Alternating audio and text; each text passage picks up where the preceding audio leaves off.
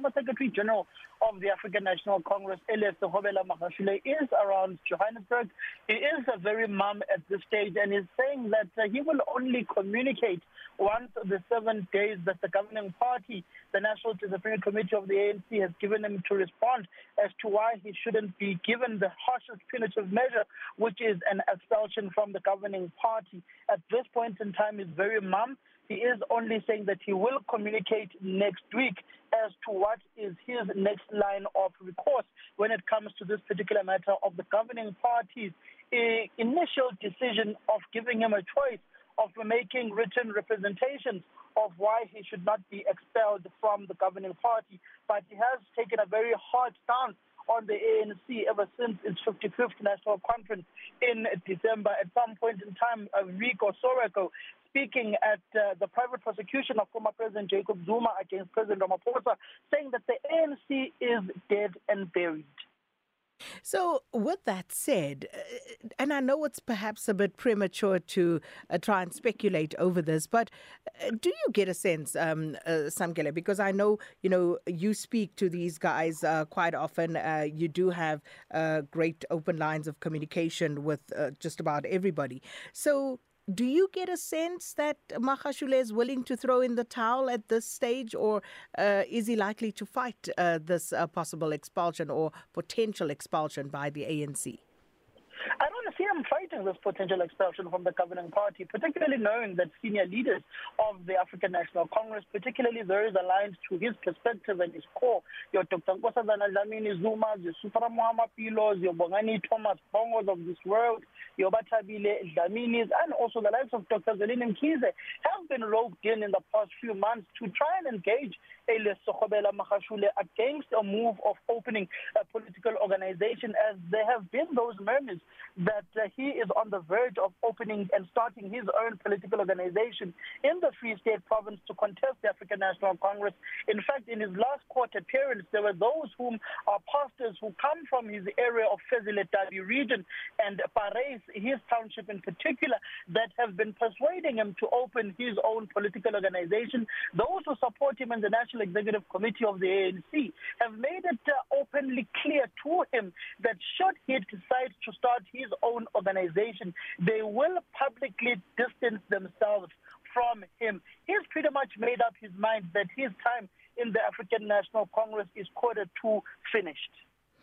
So if that is the feeling, um, are the chances that he will start a new political party, or is he likely to join uh, something that's already there? For example, the likes of Carl Niehaus uh, through a formation that's already existing, or uh, would he look uh, further than uh, that and look at those that already exist for a while?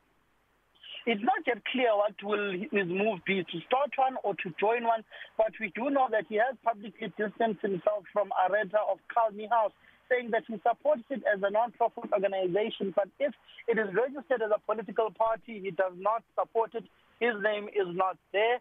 We do know that uh, there are some senior leaders. He himself has confirmed to the South African Broadcasting Corporation that uh, there are some senior political players who are persuading him in starting a political organization. It did not want to divulge any names, but I do know that senior leaders of the African National Congress have gone to him, have spoken to him, have tried to persuade him against starting this political organization. I know a few whom have been approaching Dr. Zelina Mkize to try and get him on board, to try and assist in persuading Mahashule against opening this party. Uh, three, three weeks ago in the ANC's National Elections Workshop, at Bertwood Hotel, the Secretary General of the ANC, Fikile Mbalula, openly said in that gathering behind closed doors that in the next month or two, you will be seeing a political organization being formed in the Free State province, which will be aligned to Ace Makashule, but only time will tell. We do know that uh, he is pretty much fed up with uh, the governing party led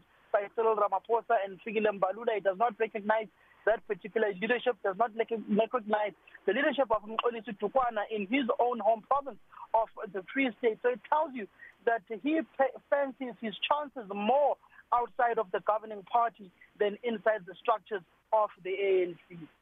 So, as we let you go there, uh, Samkele, um, uh, are you meeting with him today?